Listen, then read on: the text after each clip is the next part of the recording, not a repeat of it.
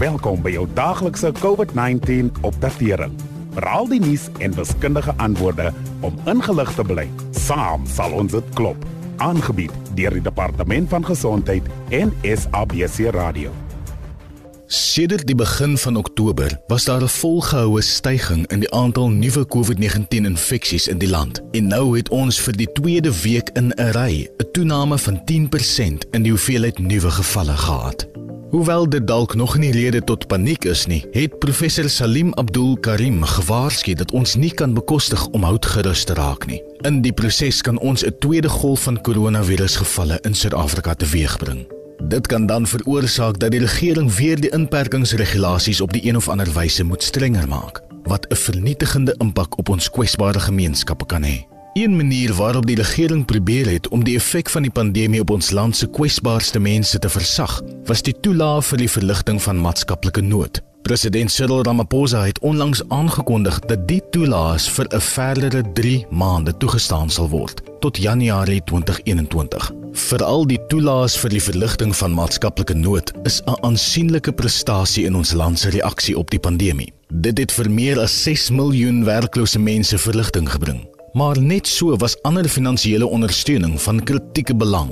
Byna 'n miljoen maatskappye het voordeel getrek uit die werkloosheidsversekeringsfonds, 'n loonstelsel wat daarop gemik is om mense se finansiële nood te verlig. En dan was daar ook ander toelaas en lenings. Nou is daar nuwe versoeke dat 'n basiese inkomste toelaag weer ingestel moet word as 'n langtermynverlenging van die huidige finansiële ondersteuningsstelsels wat geskep is om die finansiële impak van COVID-19 te versag. Navorsing het aangedui dat 'n basiese inkomste toelaag armoede in die land met tot 75% kan verlig. Vandag gesels ons met ons gas om te hoor wat die status van ons bestaande toelaas is en om uit te vind watter ander moontlike maniere daar is om die mees weerlose mense in ons samelewing te beskerm. As jy na afloop van vandag se insetsel enige vrae oor toelaas of die verlenging daarvan het, besoek gerus ons Sikaba iCovid-19 Facebook bladsy. Ons sê goeienaand aan Colleen Alexander Julies. Sy is die programhoof by SCAT, oftewel Social Change Assistance Trust. Colleen, hoekom gee Suid-Afrika vir sy landsburgers toelaas?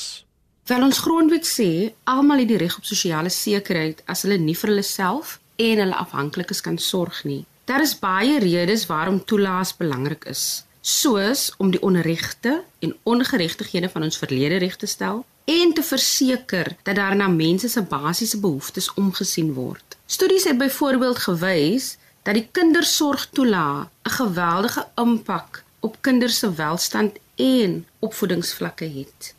Watter ander toelaas is ook beskikbaar? Daar is 5 hooftoelaas. Dit is die ouderdomspensioen, 'n ongeskiktheidstoelaag, die kindersorgtoelaag, 'n pleegkindtoelaag en die toelaag vir versorgingsafhanklikheid. Dit is al ons kwesbaarste groepe. En die regering het toe vroeg vanjaar 'n spesiale toelaag bygevoeg vir die maatskaplike verligting van nood gepaardgaande met COVID-19. Dit is 'n bedrag van R350 per maand vir werklose mense sonder inkomste. En dit sluit in inkomste uit maatskaplike toelaas of van die werkloosheidsversekeringsfonds betalings of UIF soos ons mense dit verstaan Versorgers van kinders, bejaardes en mense met spesiale behoeftes kry ook 'n ekstra optop bedrag. Colleen, wat is die jongste nuus oor daardie COVID-toelaag? Vroeër van dese maand het president Ramaphosa aangekondig dat hierdie toelaag van R350 met nog 3 maande tot einde Januarie 2021 verleng sal word. Dit was 'n baie welkome aankondiging. Die sosiale en ekonomiese gevolge van die pandemie en inperking was absoluut verwoestend, veral vir ons armes, werklooses of mense met te min werk. Meer as 2 miljoen poste het van April tot Junie verlore gegaan, benewens die 10.4 miljoen mense wat alreeds voor Covid werkloos was. Die pandemie was die finale nekslag vir 'n ekonomie wat reeds in resessie was. En die COVID-toelaag was 'n klein maar lewensbelangrike reddingsboei vir die armste en kwesbaarste mense in ons land tydens hierdie ekonomiese krisis. Daar is nog niks oor die versorg versorgingstoelaag gesê nie, so dit lyk asof dit van dese maand eindig. Wie is die meeste deur werksverliese geraak en wie ontvang die COVID toelaas? Ons het eintlik heel betroubare data hiervoor. Ons weet byvoorbeeld dat werkers wat die hardste deur die inperking getref is, bestaan uit vroue, informele werkers, lae inkomste verdieners en mense in plattelandse gebiede. Ongeveer 2/3 van diegene wat hulle werk verloor het, is vroue.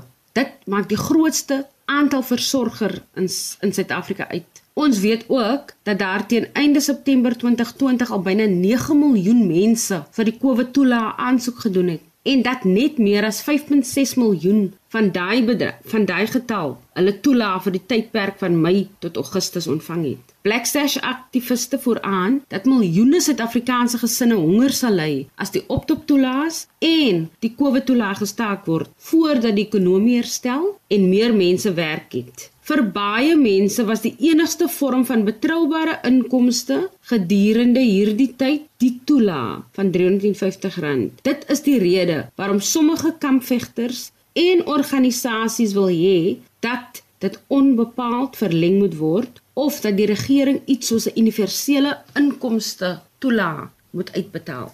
Wat bedoel jy met universele inkomste toelaag?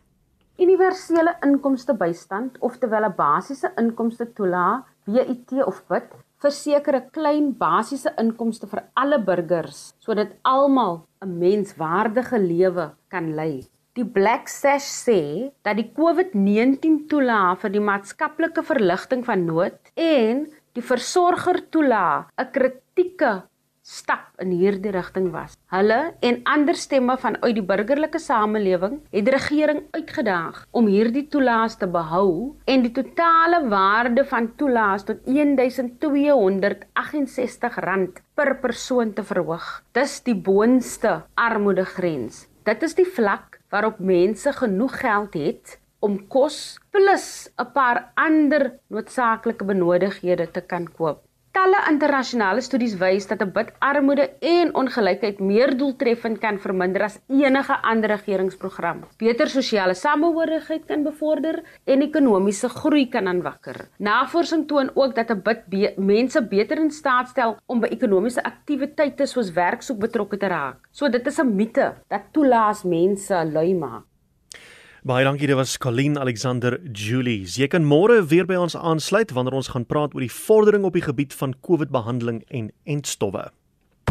Dankie dat u geluister het na die daglikse COVID-19 inligtingstuk aangebied deur die Departement van Gesondheid en SABC Radio in samewerking met die Solidariteitsfonds. Wees veilig, bly gesond. Saam sal ons dit klop.